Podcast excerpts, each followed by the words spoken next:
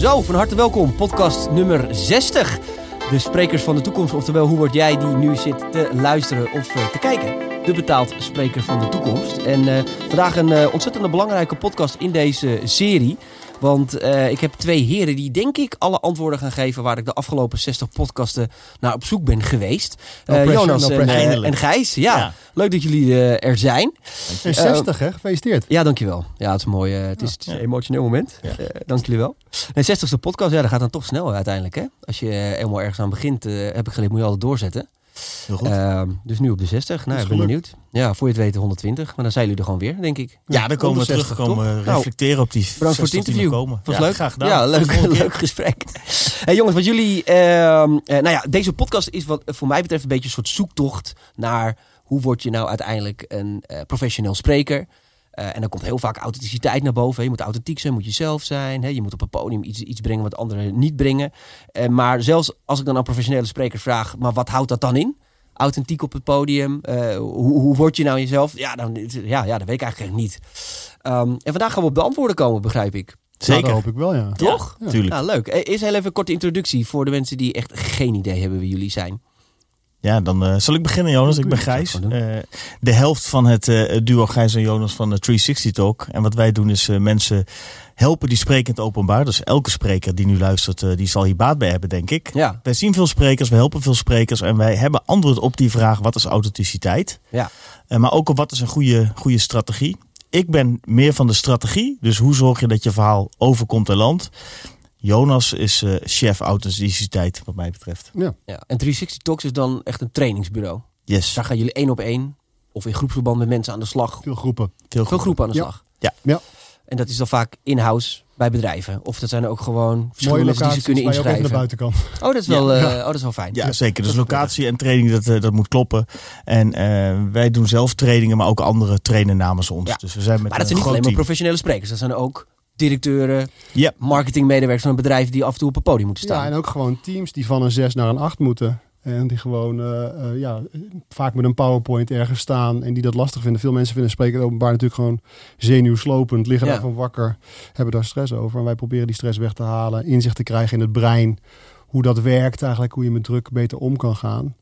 En daardoor ontspanner en echter op een podium terechtkomen. En En wat, het is jouw, wat is jouw pad daarin geweest, Jonas? Wat is jouw... eh, Ja, ik, ik heb heel uh, lang uh, bij de radio gewerkt, disjockey geweest, uh, voor 538 en voor Q op pad geweest in het land voor alle shows. En, drive-in shows? Ja. Ach, En op een gegeven moment kreeg ik kinderen en toen wekte bij mij de, kwam de vraag bij mij omhoog, waartoe ben ik hier op aard? En begon Oké. de zelfontwikkeling. dat krijg je als je kinderen Ja. eh, krijgt. Schijn eens die vragen in de Ja, dat is zo'n intense trechter was. waar je dan doorheen moet. Dan, dan komen dat soort dingen naar boven drijven. En toen ben ik uh, ja, ja, in de non-dualiteit beland en uh, in een spirituele zoektocht. En, en uiteindelijk kwamen heel veel dingen bij elkaar. Dus inzicht in het brein via uh, Paul Smit, waar ik, waar ik veel ook mee Ja. samengewerkt heb. En dus dat is meer de neurowetenschappelijke kant. Ja. En dan ook de spirituele kant. En het spreken wat ik al deed. En de flow die ik al kende van het draaien op een podium. Van op een podium rondlopen met een microfoon. En toen ging het van waar zijn die handen toch naar wat meer inhoud. En langzaam ben Ja. ik daar in, aan- in gaan ontwikkelen. En toen kwam ik Gijs tegen uiteindelijk. En, uh, en werd hij ja, toch meer de structuur en, en de koers. En ik meer de, de zachte kant. En, Ja. uh, Want wat is het belangrijkste inzicht die je over jezelf hebt geleerd in die periode? uh, het belangrijkste inzicht voor, voor mij. wat mij voor betreft, jezelf, ja.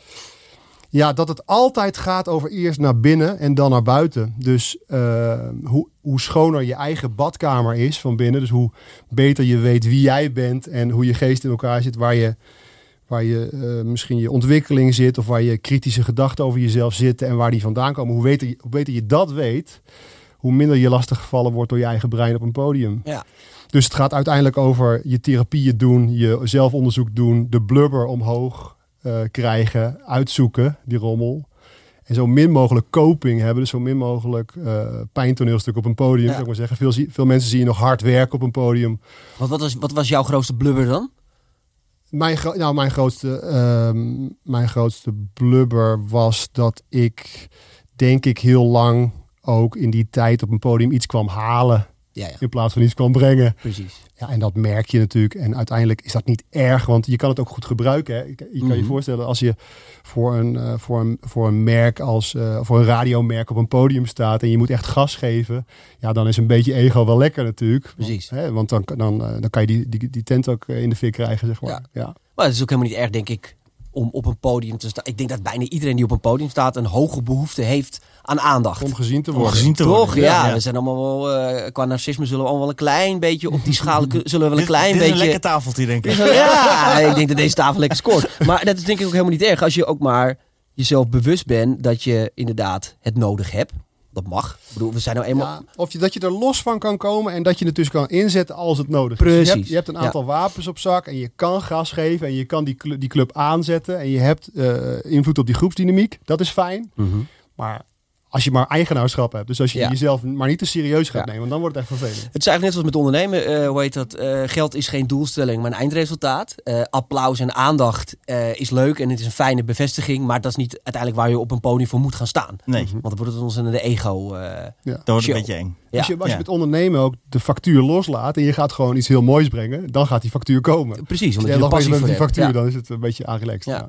Gijs, waar- waarom, waarom eh, vinden mensen het zo eng om op een podium te staan? Nou, ik denk eh, de twee dingen. Het is heel eng om eh, uit de groep te stappen en voor de groep te gaan staan. Dat is natuurlijk gezien een eh, niet prettige positie.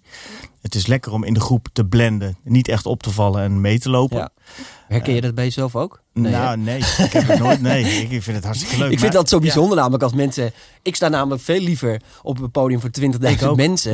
dan dat ik een één op één gesprek met iemand heb. Mhm. Bij wijze van spreken. Maar dat is dus blijkbaar voor maar een heel klein geselect groepje in Nederland is dat zo. Want de meeste mensen vinden het gewoon heel oncomfortabel om op een podium te staan. Nou, ik, ik vind grote groepen mensen heel on- oncomfortabel. Dus ik Om ben heel blij dat ik voor die groep kan ja, om staan. onderdeel te zijn van die ja, grote groep. dat vind ik Ja, heel relaxed. Ja, dus ja, eh, naar een groot concert dan zul je mij aan de zijkant te vinden. Ik, zou, ik host liever iets in de Ziggo Dome dan dat ik er naartoe ga. Maar wat doet het dan met je? Wat, wat gebeurt er met je als je in zo'n groep staat? Ja, ik krijg, daar heel, ik krijg daar dus heel veel stress van. Dan denk ik, oh, waar is de uitgang? Hoe kom ik hier weg? Oh, ja. Wat veel mensen? Wat Dat is er allemaal paniek, veel aan de eh, hand? Een beetje paniek. Nou ben ik al een beetje een paniekvogel.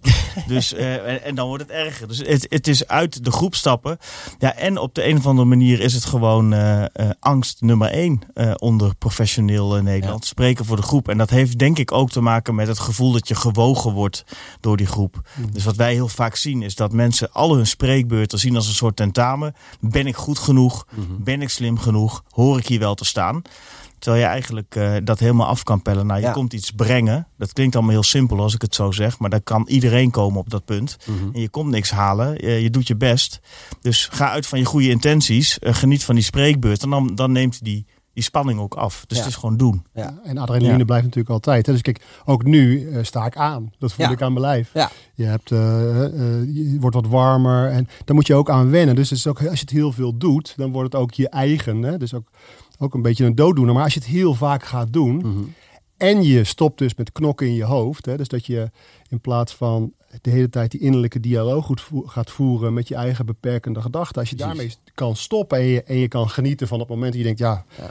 weet je, over 100 jaar ben ik dood en laat ik er nou gewoon vol voor gaan. En in plaats van deze dialoog voeren, deze dialoog voeren Ja. met elkaar. Comfortabel zijn dat je oncomfortabel bent. Ja. Juist, accepteren. Ja. Ja, want, het, want wat je gaat, ja, sommige mensen zullen nooit op een punt komen dat ze ontspannen een podium. Ja, ik heb ook jarenlang op het podium gestaan. Ik heb altijd wel een soort van spanning gehad. Ja. Die heb je ook nodig, hè? Nou ja, precies. Weet je, En het is, het is ook het accepteren van die spanning die je in je lijf Onderdeel voelt. daarvan. Ja. Ja. Ja. Het is alleen gek dat bij- bij voetballers, als ze vlak voor de wedstrijd adrenaline voelen, denken ze, yes, we gaan. Mhm. En eh, bij sprekers denken ze, oh, ik moet, Ik moet naar huis. ik moet naar huis, want ik voel me niet goed. Ja. Terwijl eigenlijk maakt je brein natuurlijk gewoon adrenaline aan en zorgt dat je scherper wordt. Dus eh, high on your own supply. ja. Geniet er maar van. Geniet ervan. Wat, wat, wat is jullie, eh, ehm, eh, hoe, zeg, hoe zeg ik dat goed? Degene, heb, ehm, jullie hebben natuurlijk mensen voor je, die gaan jullie trainen. Eh, Ja. Welke was het grootste probleemgeval, om het zo maar te zeggen? Eh, waar je echt van dacht, nou die gaan we nooit het podium op krijgen. Maar uiteindelijk is het toch gelukt. Nou, Heb je daar een ehm, voorbeeld van? Ik moet, ik moet even graven. Nou, wat je wel ziet, is dat je. wa- Wat ik het mooiste vind eigenlijk, en dat zijn dan vaak ook wel de, de grootste problemen, dan om het zo te zeggen, is dat mensen zichzelf heel snel kunnen verrassen in wat ze wel durven. Ja. Dus het is eigenlijk niet zo heel moeilijk om de knop om te zetten van iemand die binnenkomt tien minuten te laat, waarvan je dan al bijna aan de ogen ziet, die had zich liever nog even vijf uur langer verslapen, dan had hij Precies. er helemaal niet hoeven zijn. Ja. naar gewoon contact maken en iemand eh, de eerste succeservaring laten hebben. Kijk, Mhm. de mensen die eh, nog met ons gaan trainen, moeten nu even de podcast uitzetten. Maar wat heel goed werkt, is mensen eigenlijk verleiden om te spreken zonder dat ze doorhebben. Dus zodra je tegen iemand zegt, ga het podium op, ja, dan gaat die adrenaline Ja, ja, ja, sky high. Maar als iemand binnenkomt en je hebt een praatje met iemand, terwijl de rest kijkt, en je zet diegene weer eh, op zijn plek en je zegt, nou fijn dat je er toch bent. En je helpt hem er dan aan herinneren van, heb jij gezien dat je vier seconden geleden een presentatie hebt gedaan? Ja, precies. Dan begint het eerste succes. Dus ik, ik heb niet echt specifiek heel grote probleemgevallen, maar het is wel zo snel mogelijk succeservaringen. Dat is wel onderdeel van de training en dat lukt eigenlijk altijd. Ja. en dat mag ook gewoon op eigen niveau. Hè? Ja. Gisteren zaten we met negen directeuren eh keihard te bikkelen over een strategie met elkaar. Ja. En, ehm, en en ik, train ook eh, probleemjongeren eh, voor niks, hè, eh, om iets terug te doen. Mhm. En daarbij zie je ook gewoon een, een meisje, wat eh, zie ik dan nu voor me bij die vraag die je stelde, die dat echt gewoon nog nooit had gedaan en die dat niet durfde en die onzeker was over haar uiterlijk en de hele rattenplan. Ja. En als het dan lukt om diegene al gewoon ja, een persoonlijk verhaaltje te laten vertellen over iets, ja, dan is bij mij eh, eh, dat plezier even groot als bij een directeur. Ja. Dus dat gaat ook over je eigen, als je een mooie stap kan maken daarin. En wij kijken gewoon graag, we, zijn ook, we willen ook altijd dat die spreker slaagt, gek genoeg. Hè? Dus als je in de zaal zit, wil je ook graag dat, die, dat het lukt. Ja, want het is natuurlijk, eh, je, je verbindt jezelf ook met iemand die op het podium staat. Ja, je hebt spiegelneuronen. Ja. Ik voel wat jij Ja. voelt. Dus als jij daar heel hard aan het werk bent en je bent zenuwachtig, ben ik in die zaal ook zenuwachtig. Precies. En als ik in flow sta te vertellen, dan ben ik lekker met je mee. Maar wat is dan jouw tip bijvoorbeeld over eh, iemand die zenuwachtig op het podium is? Eh, het, het benoemen? Eh, stel, stel dat je echt Ja. op bent van de zenuw. We hebben ze allemaal wel eens een keer gezien. Zo'n spreker die Ja. op het podium staat. Wat, wat, wat zou je dan als spreker moeten doen? Ja, ik vind, ik vind het benoemen van, van, van, van beperkende gedachten vind ik niet zo heel mooi. Want eigenlijk val je dan eigenlijk de club daarmee lastig. Hè, tussen aanhalingstekens. Ik vind het mooier als je er eigenaarschap over hebt. Mhm. En als je dat zelf regelt. Dus op een gegeven moment ben je volwassen. En natuurlijk als je 14 bent en je zegt oh, ik ben zenuwachtig. Vinden we het allemaal heel lief. Maar als jij precies. professioneel op een podium Ja, staat. je hebt er geld voor gekregen, dan is het een beetje lullig. Ja. Dan, Ja. dan moet je gewoon eigenaarschap hebben. Ja. En dan moet je, moet je, moet je ja, je ontwikkeling doen. Mhm. En eh, dus naar binnen gaan, gaan eigenlijk. En, en, eh, en die klus klaren, het liefst van tevoren natuurlijk. Mocht het je overvallen. Ja, een hele makkelijke tip is storytelling. Als je dus een echt verhaal vertelt, wat je zelf hebt meegemaakt, dan wendt jouw systeem eigenlijk ook aan dat podium. Doordat je alleen maar hoeft te vertellen wat er ooit al een keer gebeurd is. Dus je koopt eigenlijk tijd voordat je echt de inhoud ingaat. Ja. Dus als jij een echt verhaal vertelt, hoef je alleen maar terug naar dat moment. Daarmee ziet die zaal al helemaal, hé, hey, eh, deze gozer die klopt, of deze vrouw die klopt. Eh, dan krijg je gunning mee. En wat is dat kloppen dan? Is dat dan toch weer die... Iemand is authentiek, is Nou, zichzelf? kijk, als jij, als, stel je voor dat je, je, je hebt iets meegemaakt, hè, dus iets intens meegemaakt, en dat linieert heel erg naar het onderwerp van je talk. En je, en je begint daarmee, zonder je voor te stellen, begin je ineens met storytelling. Dus je past daar de technieken in toe, die, die we natuurlijk dagelijks mensen leren. Hartstikke leuk. Eh, dus wat je dan ziet, is dat, je, dat, dat iemand inderdaad echter wordt. En eh, het is ook onderzocht dat bijvoorbeeld de toon van je stem is eh, verraadt ook of het klopt of niet. Hè? Dus als jij daar echt even terug bent in dat moment en je vertelt dat verhaal, Mhm. dan hoor ik aan de toon van je stem, dan zie ik aan je gebaren of je real bent. En mijn diepere brein, ik zit in de zaal, mijn diepere brein, die kijkt naar jou en die denkt, oh het klopt. Dus dan heb je eigenlijk in die eerste paar minuten, krijg je eigenlijk een soort ja op zo'n spreker. En dat is eigenlijk wat je wil. Ja.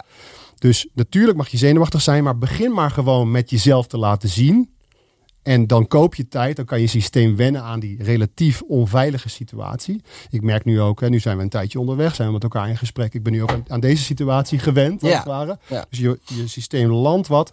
En dan kan je gewoon los, zou ik maar zeggen. Die eerste paar minuten, daar gaat het eigenlijk over. Ja. Veel mensen verkloten het, pardon my French, Ja. in die eerste paar minuten. Maar ook omdat dat eh, zeg maar het moment is dat het publiek je moet gaan accepteren. Ja, Toch dus die eerste stukje. paar minuten, als je, als je daar mensen niet pakt. Ja. Hè, en wat, wat pakken dan is, dat is denk ik vooral dat inderdaad dat je die connectie met je voelt. Dat je echt bent, dat je Mhm. een echt verhaal staat te vertellen en niet een show staat op te voeren.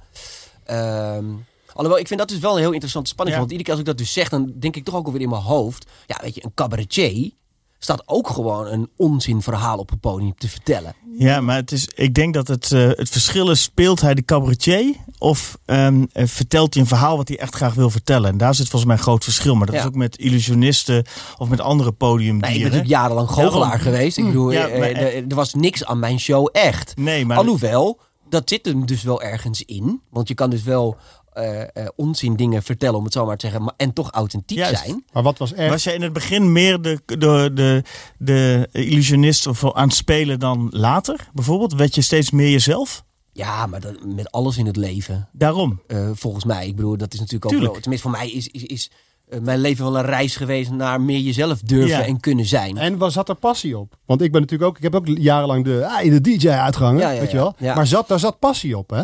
Dus dat zie je ook. Dus als iemand helemaal vol ergens ingaat, ja, dan maakt het niet zoveel uit of je over punniken praat of over Mhm. goochelen. Mhm. Dan is het real. Dan, dan wil ik met je mee. Als, het maar, als het maar vol aan is of zo. Ik heb Ja. ooit een keer van een, van een cabaretier de tip gekregen. Die zei, eigenlijk moet je kappen met het vertellen van grappen.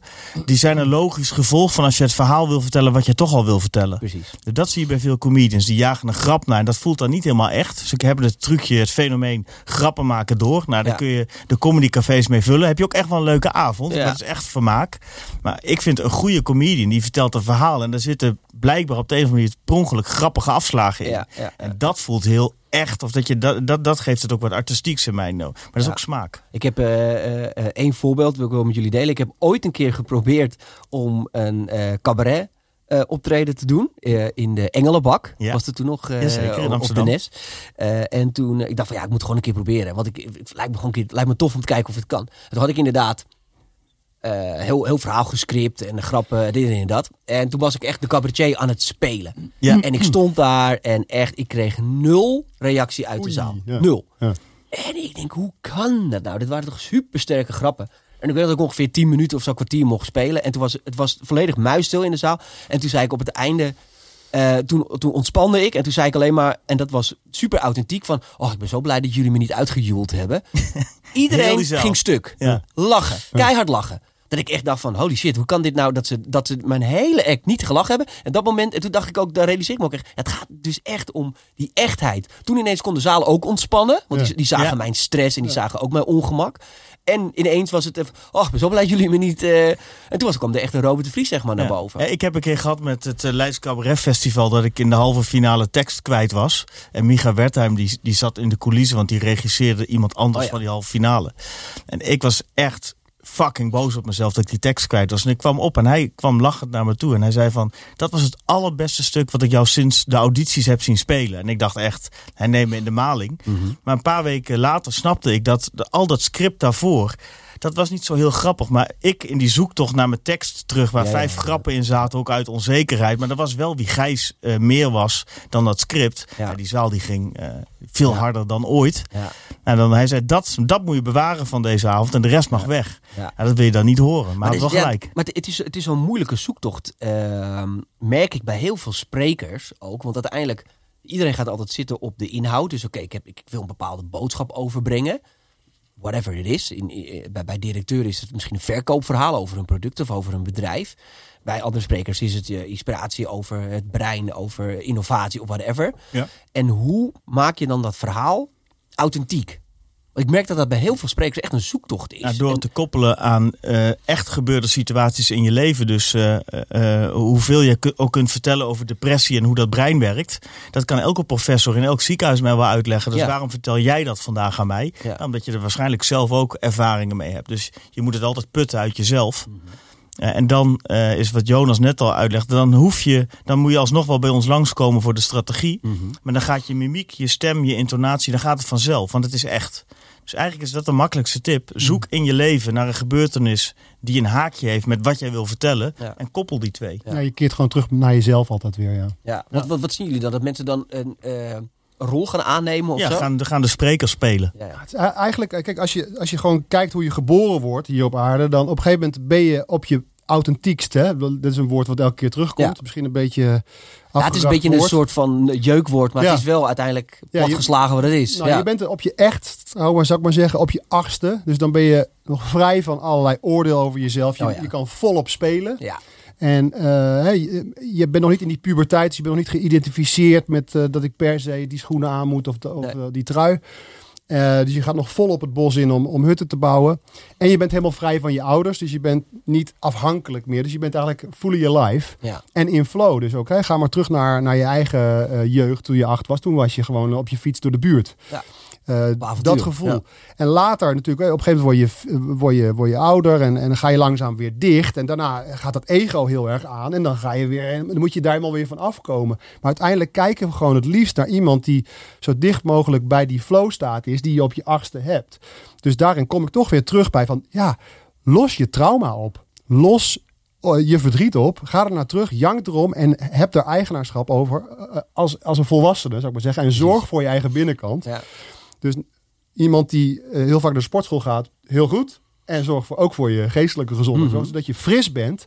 En dat als ik naar je kijk als spreker, dat ik niet in jouw pijntoneelstuk zit van, oh jij moet iets, komt iets halen bij mij. Ja, ja, ja. Maar dat je daadwerkelijk schoon bent. En dat klinkt misschien vaag of spiritueel geneuzel. Maar hoe schoner dat systeem is, en dan komt neurowetenschap en spiritualiteit heel dicht bij elkaar.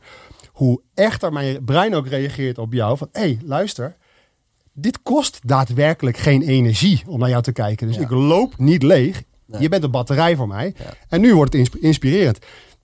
We zien regelmatig, hebben we trainingen, trainen we 16 mensen tegelijkertijd op één dag. Gaan we in groepen uit elkaar, helemaal top. En dan zien wij de ene spreker en dan de andere spreker achter elkaar op een podium. En bij de een loop je daadwerkelijk leeg. Die heeft nog iets te doen. Ja. En bij die andere denk je, oh ja, jij begint met praten. En ik, en ik voel dat ik eh, met je mee wil. En dat is zo subtiel. We zijn eigenlijk magischer dan dat we ooit dachten dat we zijn. We, vinden onszelf nog, eh, zeg maar, maakbaar. Helemaal, eh, hè. Maar we zijn echt, echt hele magische wezens die elkaar kunnen beïnvloeden. Die energie hebben. Ja. En dat is superleuk om mee te Ja. spelen. Dus Ja, dat, is, dat is ook iets wat, wat heel veel sprekers altijd benoemen. Hè? Van, joh, er, ik voel de zaal aan. Ja. Is een soort colle- collectief bewustzijn bijna. Nou ja, goed, als we het toch over spirituele dingen hebben. Dan, en, en, en dat herken ik ook nog wel heel erg uit vroeger. Je, op een gegeven moment als je dat, die, die, eh, eh, eh, die flow kan aanvoelen... dan kan je ook echt letterlijk een zaal aanvoelen van wat Ja. er gebeurt. Nou, dat is met draaien is dat natuurlijk heel erg. Hè? Dus als Ja. je een plaat opzet en die, en die, en die Ja. tent gaat Ja. op, op zijn kop. Op een gegeven moment weet je diepere brein. Oh, oké, nu komen er ongeveer dertigers komen binnen. Dan ga ik een beetje Ja. zero's draaien. Zo ben je ermee bezig. Net als met grappen. Maar je moet, eh, om dat aan te kunnen voelen, in de eerste instantie wel contact durven maken met je zaal. En ik denk ook voor veel sprekers die naar jouw podcast luisteren. Ja. Eén is eh, spreker worden, nou dan komen ze bij jou. Twee is, dan moet je een goed verhaal hebben. Dat, dat is al mooi als je dat hebt. Mhm. Dat verhaal kunnen brengen. Dat is top. Maar dan die connectie elke dag opnieuw maken met die zaal. Want je begint als spreker elke dag op nul. Hè, hoe expert jij ook bent. Eh, of je in Arnhem komt, Amsterdam of Middelburg of Groningen. Is totaal anders. Elke dag moet je op nul beginnen. Ja. Dus maak zo snel mogelijk ook echt connectie met die zaal. Want anders heb je die voelsprieten niet om dat collectieve bewustzijn aan te voelen. Ja. Dus, eh, onze, tip, onze tip is ook, Jo- we hebben allebei een iets andere voorkeur. Jonas houdt heel erg van verhalen vertellen. Mhm. Ja, god, ik ben eh, niet voor niks ooit een podium opgegaan. Ik wil meteen weten, wat zit er voor me? Dus waarom ben je hier? Wat kom je brengen? Wat weet je al? Gaat contact aan.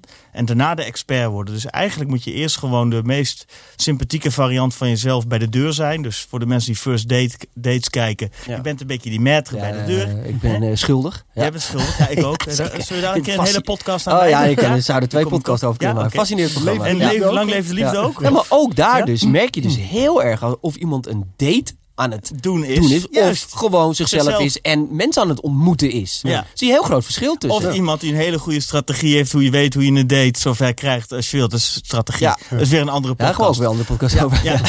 Kom je Maar- ook heel ver mee, hè? Maar dat is wel eh, die hoffelijkheid aan het begin Ja. als spreker. Dus ehm, verhef je nooit boven dat publiek.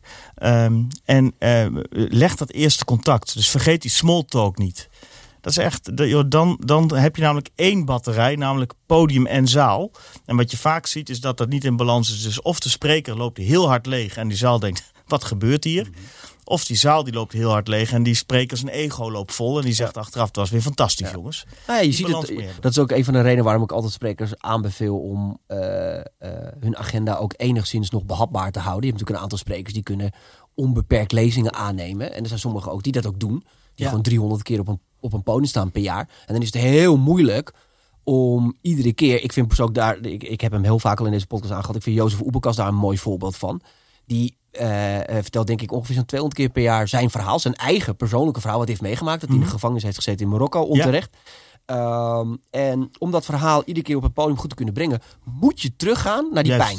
Die Ja. moet je weer voelen. Je moet weer weten hoe het was om het weer over te kunnen brengen. En ja, als jij 200 keer op een podium staat, is het best wel moeilijk om niet in die lopende band. Een soort truc te. Ja, dat het een trucje wordt, dat het een verhaaltje wordt. Ja. Eh, en dat zie je nog wel eens bij, bij trendwatchers bijvoorbeeld. Die, die, die, die, nou ja, die een hele presentatie vol met filmpjes, video's, dat soort dingen hebben. En die dan ja, drie eh, lezingen op een dag hebben. En dan gewoon hun show aan het draaien zijn. Mhm. Ja, die, daar voel je de connectie niet mee. En bij Jozef zie je iedere keer als je op het podium staat. Ja, weet je, die, de, mensen zitten niet van niets elke zaal eh eh voorstelling te huilen. Of Ja. worden er ontroerd. Niet dat het een doel aan zich is, maar het is wel een resultaat. Ja, dat het een echt verhaal is. Mhm. En ehm, ik denk dat dat wel ook weer een kunst is voor sprekers die heel veel op een podium staan. Om iedere keer toch weer terug te gaan naar jezelf. Ja. En je kijkt ook, je kijkt ook nog eens een keer zo eh, naar, naar een soort therapie ook. Hè? Want uiteindelijk beleeft hij het opnieuw en opnieuw en opnieuw en opnieuw. Ja, ja, ja. En is hij het ook aan het Ja. verwerken. Dus dat brein heeft ook nog eens een keer baat bij. Ja, Als je het, als je het traumatechnisch bekijkt. ja nou ja, eh, 100 procent. Ja, Ja. dat denk ik zeker. Hey, jongens, jullie hebben ook een boek geschreven. Zeker. Yes. Vertel. Zal ik beginnen? Ja. Nou, het, eh, ja, hoofdstuk was 1 een doe ik. hè. Waarom doe je dat? Ja, man. eh, dat, eh, Nee, maar vraag, laten we daar eens mee beginnen. Ja. Waarom? Nou, wij wilden eigenlijk. Het, het idee ontstond ooit om ons. De mensen die we getraind hadden, wilden wat moois geven aan het eind van de training. Ja. En ze krijgen natuurlijk al handouts en je hebt zo'n mailflow. Nou, dat, eh, dat werkt allemaal wel. Maar we wilden eigenlijk een cadeau hebben. Ja. Dus we dachten, we leggen die methode vast. Dus we zijn met z'n tweeën gaan schrijven. Uiteindelijk kunnen wij heel goed praten en ook wel een beetje schrijven. En hebben we hulp gehad van een eh, co-writer, Kelly. Kijk. Onze goede vriendin Kelly. Dus toen, toen kwam er een manuscript Structuur. was structuur, er aan, ja. een manuscript en deadlines. En eh, dank Kelly. En toen dat manuscript er lag, toen eh, kwam Jonas op de een of andere manier in contact met eh, een uitgever. En toen hebben we het manuscript laten lezen. Dus eigenlijk was van ons start niet onze intentie om hem uit te geven. Maar de uitgever was zo enthousiast dat hij zei, dit willen wij uitgeven. Ja. En eh, dat Waarom is- was hij zo enthousiast? nou, omdat er heel veel geschreven wordt over praten. Mhm. Eh, wat al iets heel dubbels heeft. Hè? Ja. Want eh, na het lezen van dit boek kun je nog steeds niet praten, zou Mhm. ik zeggen. Ja, precies. Ehm, maar wij hebben een heel mooie methode waarin je aan de slag gaat in dat boek. Je kan ook in het boek schrijven. Je wordt uitgedaagd om opdrachten te doen. Je wordt geholpen in de structuur en de opbouw. Dus het is eigenlijk gewoon van pagina 1 eh, tot pagina 144, wat geloof ik het einde is. Één rechte lijn eh, naar je presentatie. Ja. Eh, dus het, het, het is iets wat je onder je arm mee kan nemen en je kan ermee aan de slag. Dus je weet niet alleen meer over spreken, maar je presentatie is ook gewoon klaar op het einde. Ja. Was toen... Want ik hoorde al een klein beetje over dat het een ingewikkeld proces was om het te schrijven. Ja. Nou, het is, het is uiteindelijk hadden we het helemaal, zeg maar, de, de, de methode die de afgelopen zes jaar is ontstaan, hadden we vastgelegd. En ja, je moet ook practicen wat je preacht. Hè? Dus Mhm. we, we hebben er ook echt een heel persoonlijk boek van gemaakt. Je leert ons ook kennen eh, in dat boek. Dus eh, Charlie Lonois uit mijn DJ-verleden heeft het Mhm. voorwoord geschreven. En, eh, Wimmy Wilhelm, mijn regisseur, Ja, heeft het geschreven. heeft een stuk ingeschreven. Dus er zit, er zit ook heel veel van ons in, ook kwetsbare delen uit, Ja. uit ons leven. En, en dat, ja, uiteindelijk wil je dat dat ook helemaal klopt, als het ware. Dus, Ja. dus je begint daaraan van, oh ja, we gaan dat doen. En, we, en Kelly die hielp ons daar fantastisch bij. Maar uiteindelijk wil je er ook echt ziel in hebben. En dan moet je toch echt zelf, ja, in Groningen zeggen dan met bek op het stuur. Dus je moet je echt even jezelf afzonderen en, en in dat proces gaan. Ja, en dan komt ook flow om de hoek kijken. Kan je Mhm. ook even vrij schrijven of ga je over elke letter nadenken? Nou ja, en dat, eh, soms lukte dat en soms was dat natuurlijk even... Ja, en het is wel een beetje een zoektocht, want op papier leg je het vast. En eh, als wij met z'n tweeën of als collega's van ons ergens komen trainen, dan kun je gewoon bij de koffie en tussendoor af en toe even wat over jezelf vertellen. Ja. En we- toen ons boek in de eerste versie af was, klopte dat inhoudelijk wel. Maar ja, dat had iedereen misschien kunnen schrijven, wil ik niet zeggen. Maar dat Mhm. voelde niet alsof het van ons was. Dat was alleen echt methode. was methode. Dus we hebben onszelf erin moeten schrijven. Terwijl we juist in het proces waren om onszelf wat dat bedrijf uit te schrijven. Want het gaat de hele dag over Jonas en Gijs. Eén grote show. Ook een hele leuke show, hè? Ja, en, en wat er wel uniek aan is, en daar ben ik wel heel trots op. Ik heb veel, je luistert natuurlijk ook veel van andere mensen, Ja. of, je, of, je, of, of je leest het. Ik eh, ben er heel erg auditief ingesteld, dus ik hou van podcasts, ik hou ook van luisterboeken. Dus dan ben ik aan het sporten en dan luister ik andere, andere sprekers, coaches, wat ze geschreven. En dat gaat heel veel over techniek en heel veel over eigenlijk meer Instagram filters leggen op die spreker. Ja, ja. Terwijl, terwijl dan heb je het echt over, over het, pre- eh, pre- het presentatievak, zeg maar. ja, of ja, hoe je moet presenteren. Ja, Ja, maar. Het, ik bedoel, het, het zijn allemaal een beetje uitgekoude dingen. Maar bijvoorbeeld, weet ik veel, kijk over je publiek heen en zo. Je hoort dat echt, hè? Bedoel, Mhm. Dat mensen dat, dat zeggen als een tip. Dat vind ik best wel shocking. Ja. Want dat is juist... zaal ligt uit. Ja, ja, en uh, weet ik veel, doe of ze naakt zijn, weet ik veel wat voor, uh, voor uh, afgerachte oude meuk. Maar dat is allemaal niet waar wij voor staan. Wij jij zijn juist voor dat pure, voor het echte, voor contact maken, voor je, naar, je, naar jezelf kijken, naar binnen, eerst naar binnen, dan naar buiten. Ja, en ik heb wel een beetje, uh, die, die, die uitgever die was enthousiast. Met name omdat dat stuk over dat brein, wat ik van Paul uh, zo heb geleerd. En, uh, en die combinatie, die was eigenlijk nog niet gemaakt. Dus datgene wat er in het brein gebeurt en wat er onder druk op een podium moet gebeuren. Dat is eigenlijk voor het eerst dat die, dat die koppeling gemaakt werd. Ja. Dus bij Bomen zeiden ze, hey, misschien ook wel leuk voor het onderwijs. Of, weet je, dus, dus dat is echt wel, uh, wel heel tof om dat aan te boren, dat, ja. die olie. Ja. Zit, er, zit er een groot verschil tussen uh, um, een salesdirecteur die op een podium speech houdt of een professionele spreker? Um, nou ja, misschien is het doel iets anders. Ik, ik denk dat een salesdirecteur nog meer moet afstemmen met het publiek. Ja, want het is best wel moeilijk, lijkt me, als je als salesdirecteur staat om een product staat te verkopen laten we zeggen, een kopieerapparaat, om dat dan ook nog authentiek en bij jezelf te houden? Of is dat eigenlijk helemaal niet zo moeilijk? Nou, je, nou, moet, je, je, moet, het echt lekker, lekker spul vinden. Je moet het echt een goed broodje vinden. Je ja. moet het zelf willen eten. Dat ja. denk ik wat zeker is. Ja. ja. Ja. en ook een beetje wegblijven bij je product, denk ik. Meer bij wat je oplost en wat je verlicht. Dat soort zaken. Dus er ook een beetje omheen eigenlijk. Ja. Anders is het heel plat kopieerapparaten. Mooi dat je met sales aan kopieerapparaten. Ik heb ook een beeld. ja. moet alleen maar altijd. Ja, nou ja, ik weet, ik weet, uh, ik heb jarenlang uh, kopieerapparaten verkocht. Nee, nou ja, de, de Panasonic Business, Business Weeks gepresenteerd. Dus uh, dan nodigden ze Panasonic een week lang binnen al hun productgroepen, al hun klanten uit bij hun opkantoor in, in Den Bosch. En daar zaten dus echt daadwerkelijk, nou ja, zat zo'n 200 man. En dan was de, dag 1 de boormachine uh, sectie. Uh, dag 2 de laptops. Uh, dag 3 de telefoontjes.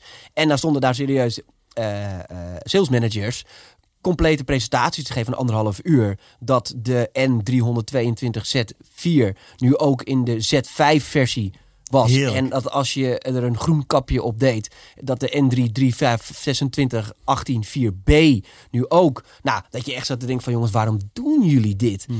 En je merkt toch dat heel veel bedrijven in de valkuil Ja. vallen om het heel erg op het product te houden. Nou, wat wij veel zien bij sales trainingen, en eigenlijk hadden we het gisteren nog over, hebben we best op hoog niveau, kan ik zeggen, een, een team eh, geholpen. En dan verbaasde me toch nog op de terugweg in de auto. Mhm.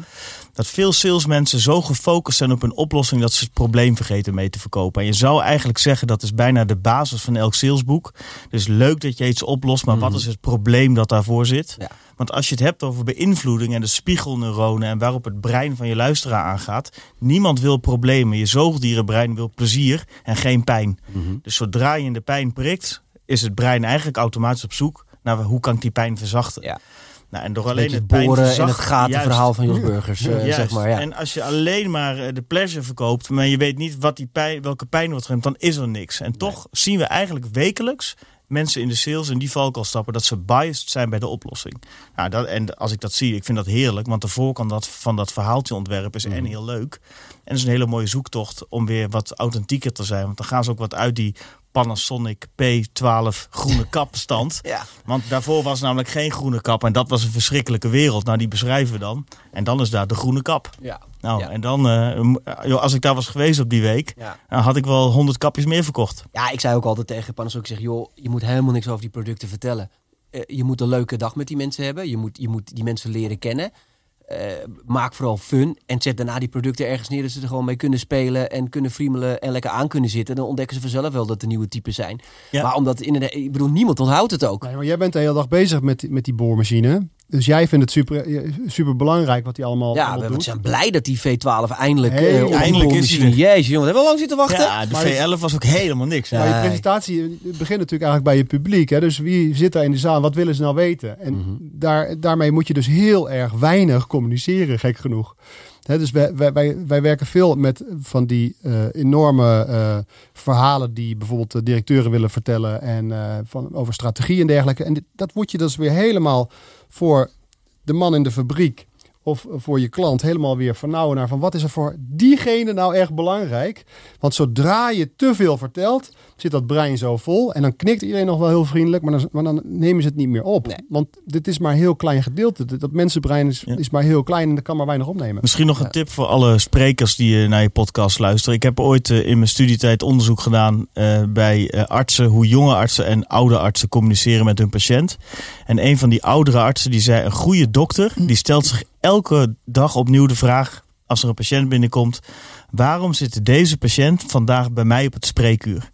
En uh, dat vandaag geeft iets aan over de urgentie. En bij mij mhm. geeft iets aan over de klacht die die heeft, afhankelijk van je rol. En dat zou je als spreker eigenlijk in de auto naar je klus toe af moeten vragen. Waarom zitten de mensen van Deloitte vandaag te luisteren naar deze trends? Of waarom zitten de mensen van de gemeente Apeldoorn vandaag te luisteren naar hoe een depressie werkt? Ja. Als je dat antwoord hebt, dan weet je precies hoe je jouw verhaal, jouw expertise die zaal in fietst. Ja, Want iedereen heeft een iets andere reden om te luisteren. Die mensen zitten daar niet voor de gratis broodjes als het een goed event is. Zitten daar niet omdat ze thuis uh, niet willen zijn. Nee. Hè? Uh, dus die hebben een andere reden. En als je die reden weet, dan kun je je verhaal er zo in fietsen. Ja. Dat is, nou ja, goed, en, en, helaas heb je natuurlijk eenmaal als broodspreker, om het maar even zo te zeggen, ook heel heel vaak zalen voorzitten die er niet voor gekozen hebben om jouw verhaal naar jouw verhaal te luisteren. dan moet je gewoon dubbel tempo door. Ja, ja. doorheen rammen. ja, maar ik bedoel meer, eigenlijk wordt de spreker altijd voor, van voorgeschoteld. Hè? De directie bepaalt, ja, wij vinden dit leuk om dit door jullie strot heen te duwen. Dus veel plezier vandaag met wat wij voor jullie bedacht hebben.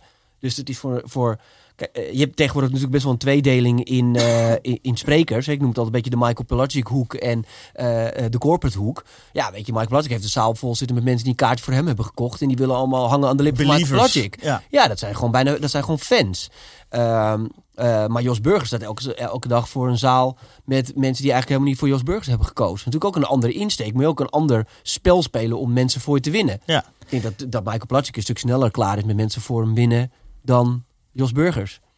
Ja, wat vind je daar zelf als boeker eigenlijk van? Dat er dan zoveel, er wordt er zoveel content uitgestrooid over mensen die zelf denken, ja, ik hoef het niet per se te horen, maar ik zit er toch.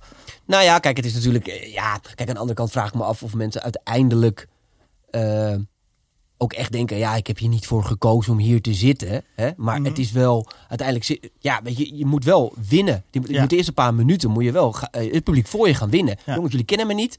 Jullie weten niet waar ik het over ga hebben. dit is wie ik ben. Uh, ga met mij deze drie kwartier aan, want het wordt echt een hele mooie, het wordt een mooie gebeurtenis. Dan kom ik weer op die pijn. Dus als de situatie zo is dat je als spreker wordt geboekt en het is een soort blackbox, je gaat op en goedemiddag mensen, oh het is de huishoudbeurs. Ja. Dan, dan, moet je zo snel mogelijk eigenlijk naar de pijn van jouw oplossing. Want elke spreker die staat een verhaal te vertellen, waarschijnlijk om mensen in beweging te krijgen of uh, te verrijken.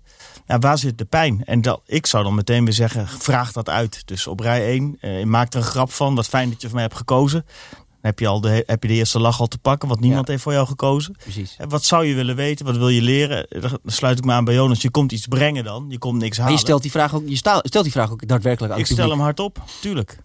Wat wil je weten? Dat doen we ook wel eens. Gewoon van, oké, jullie, als een ervaren publiek is, ga ik niet vertellen over de basis van spreken. Dan vraag ik gewoon, wat is, wat is de moeilijkste presentatie die je ooit hebt gedaan? Waarom denk je zelf dat dat moeilijk was? Nou, dan laat je die zaal denken en dan komen wij met onze suggesties. Dus ik dan, wil, dan ik, wil, het spel. Ik, ik, wil één ding tegen jullie aanhouden, want ik vond het een, een heel interessant inzicht en ik ben er nog niet helemaal over uit of ik het met er eens ben.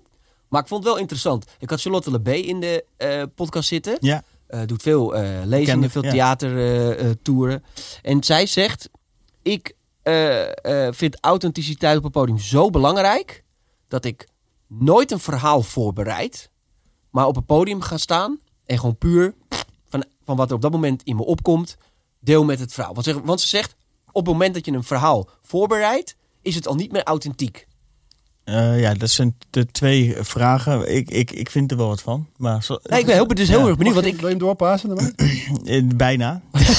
ja. Nou, ik, heb, ik zit hier dus best wel veel in de auto over na te denken. Ik denk van ja, ik ben het heel erg met je eens. Nou, ik, de authenticiteit is veel anders. Maar de, de tip uh, die erin zit, die, die, dat freewheelen. Ja, ja. als je een vrije geest uh, bent geworden, ja, dan kun je improviseren. Maar improviseer wel in de kaders van een goede structuur van je presentatie. Oké.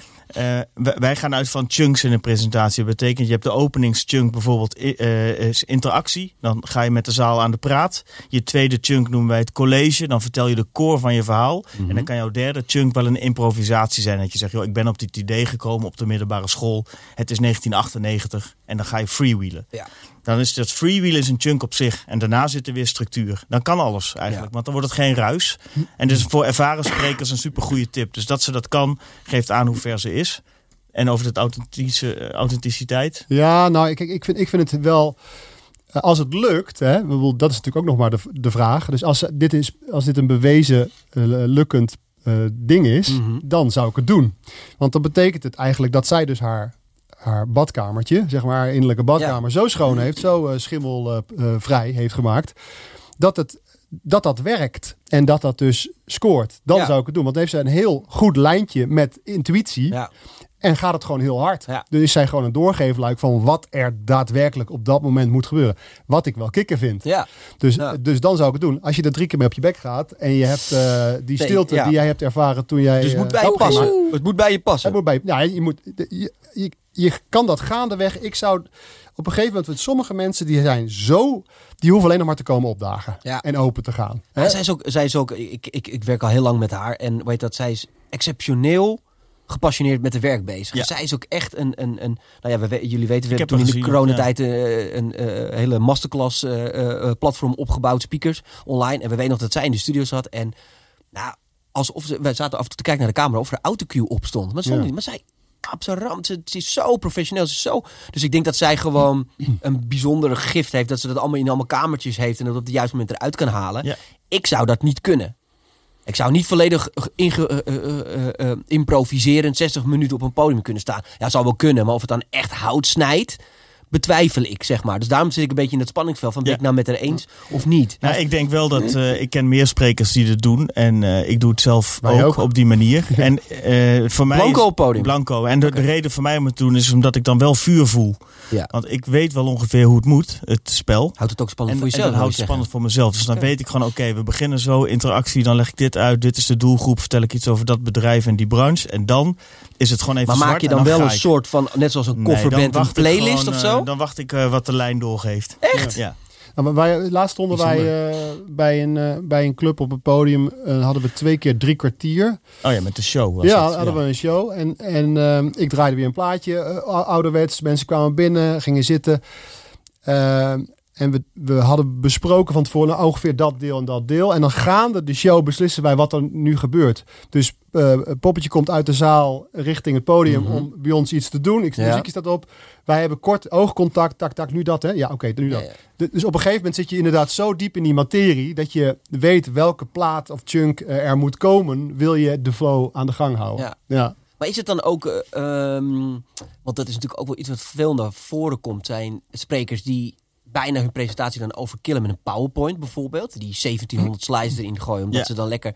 Dat, dat, dat, dat eh, beperk je dan eigenlijk ook, denk ik, om te improviseren en authentiek te zijn. Ja, los daarvan is dit is een, een wetmatigheid dat mensen niet kunnen lezen en luisteren tegelijk. Dus alles wat op het podium staat, shined niet harder eh, dan eh, eh, ja, dat overshined ja. de spreker eigenlijk. Oké. Dus eh, ja, ik hou van zo clean mogelijk. PowerPoint? Nee. Ja, Ja, soms is ondersteuning Ja. voor een. eh, ja. filmpje of zo. Dat, zou, dat zou ook het advies zijn om het alleen ondersteunend te gebruiken. Het is veel te mooi dat je gewoon kan praten met het publiek. Helemaal als je niet zo'n goede spreker bent en je hebt wel goede slides, dan valt het helemaal op. Ja. Mensen gebruiken het vaak als een soort van eh, Speakbrief. backup, een speakbrief. Ja, Ja, ja. ja. Nou, jij- leidraad. Ja. Je hebt ook talks die gaan echt op ritme. Hè? Dan, eh, dan zie je echt bijna de woorden die die spreekt, zie je ook op de. Ja. Ja, ik vind het ook wel een soort van dat je. Je zit sowieso naar iets te kijken. Het is een soort live Netflix. Hè? Je zit sowieso naar iets te kijken wat. eh, wat, eh, wat al een, een, Ja. een eind heeft, zeg Ja. maar. Je weet dat het niet eh, origineel meer kan worden. Nee. Ja.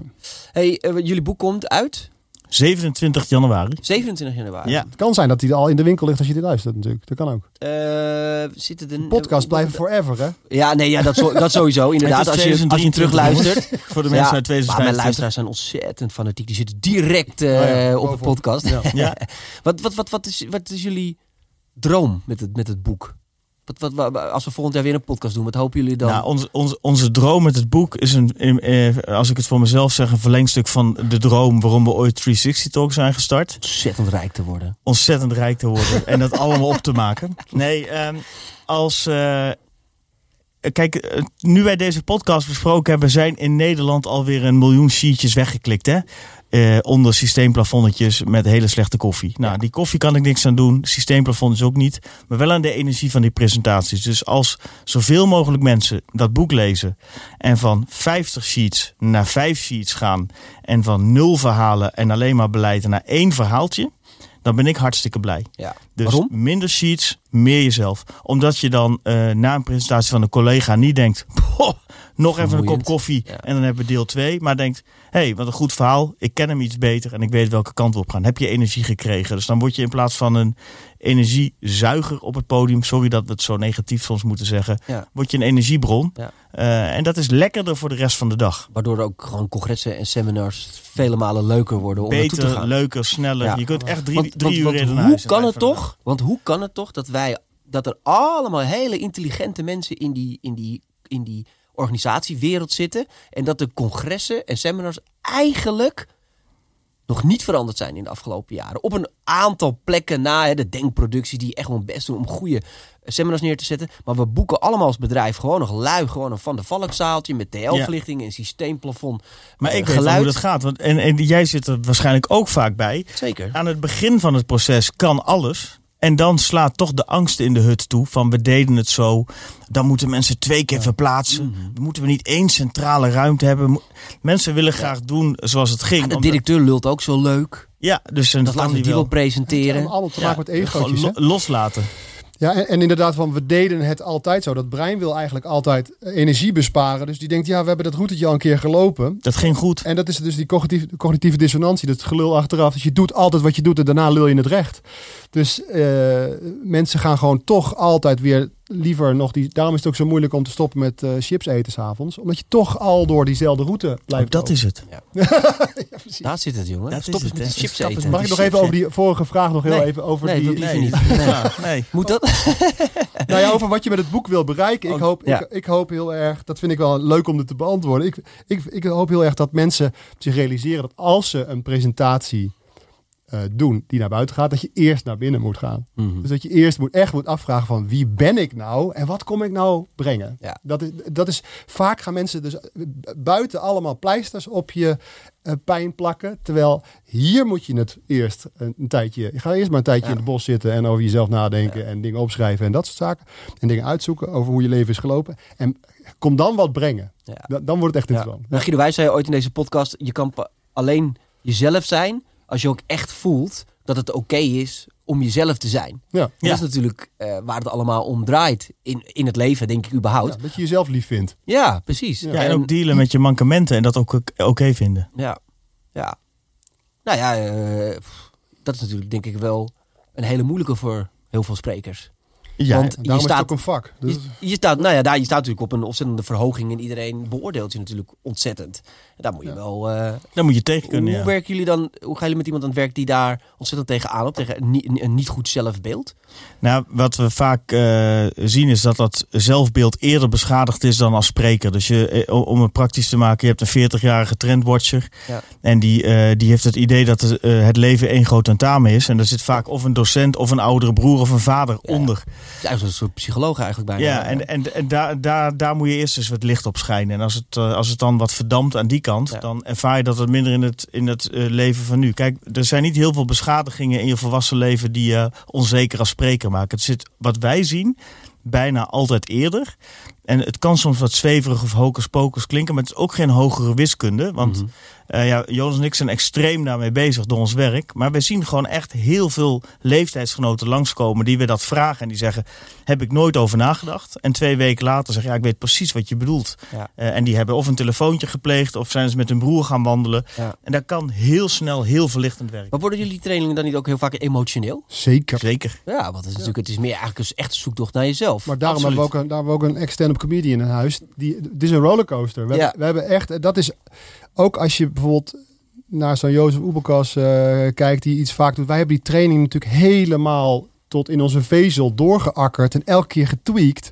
Dus het is echt eh, ontspanning, humor, muziekje, dit, dat. Dus het zit zo goed in elkaar dat je, dat je systeem gewoon geleid wordt. En dat het net als een avond dansen gewoon helemaal eh, klopt. Ja. En dat, dat was ook, ja, dat was ook echt, echt het, bijna het nerdy kicken om dat te gaan doen. Het is gewoon helemaal, hij is gewoon... hij is af. Hij is af, zeg maar. Ja, en dat was ook leuk om daarna het boek te schrijven. Oh, ja, oké. Want als we gaan kijken naar jullie keynote presentatie, als het zo mooi heet. Als jullie op het podium staan met z'n tweeën. Wat, wat, wat, wat, wat kunnen mensen daar dan verwachten? Hoe ziet zoiets eruit? Is dat eigenlijk een soort training, maar dan op het podium? Of ja, het is een, een, een, miniatuur, de highlights van die, van die training. Uh, met ons op het podium, maar ook mensen zelf op het podium. En uh, dat vind ik dus wel leuk.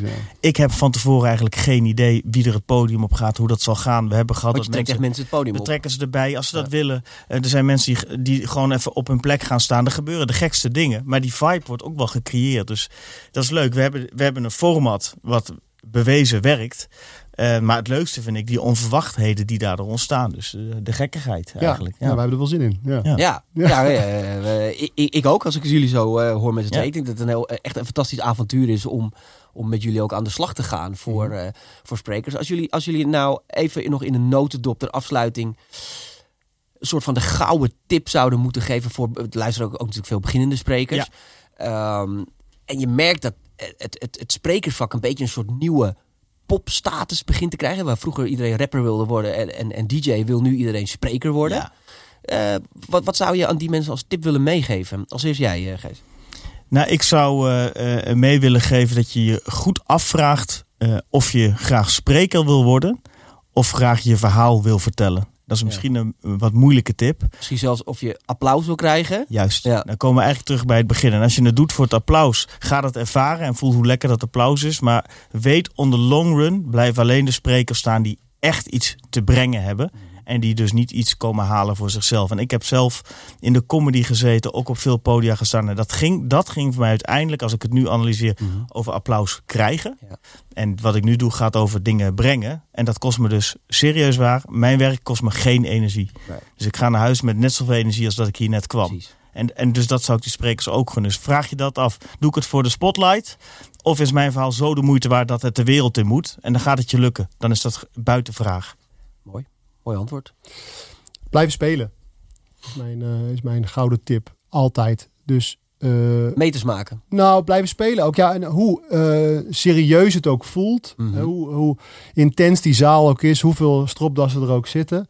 Blijf altijd spelen, want mensen kijken gewoon het liefst naar iemand die niet te hard werkt en die gewoon ontspannen speelt. Dat is gewoon lekker om naar te kijken. Dus neem het niet te serieus. Bereid je shit super goed voor en speel dan. Dus heel goed voorbereiden en dan spelen. Ja. ja de allerbeste tip is natuurlijk koop het boek. Nou ja, dat wilde ik eigenlijk maar afsluiten. dat ik denk, ik kop hem voor jullie wel in, maar je kopt hem zelf wel in. Ja. Heel even, boek, titel, wanneer te krijgen, waar, hoe, wanneer. Zelf, Koop die shit, kom op. Zelfverzekerd spreken in vier stappen naar de perfecte presentatie ligt vanaf 27 januari in je boekhandeltje op de hoek bij Managementboek. Uh, Robert heeft hier een paar exemplaren. En wat mij betreft de eerste die op 1 februari, is dat een doordeweekse dag? Geen idee. Weet ik ook niet. Hier naartoe fietst en aanbelt om stipt 9 uur. Want dan is Robert hier lekker met zijn kopje koffie. Ja. Die krijgt zo'n boek en dan signeer jij hem zelf, hè? Zeker. Mooi, want ik, ja, ben ik doe gewoon ik zelf geschreven heb. Ja, helemaal top. Goed. Mooi mannen, dank jullie wel. Graag gedaan. Jullie allemaal bedankt uh, voor het kijken en luisteren naar deze podcast. Uh, check vooral ook even ons Spotify kanaal of ons YouTube kanaal voor, uh, voor alle inmiddels 60 podcasten. Ja, dus als je nu net begint, heb je nog wel wat te doen de aankomende tijd. Dus bedankt voor het kijken en luisteren.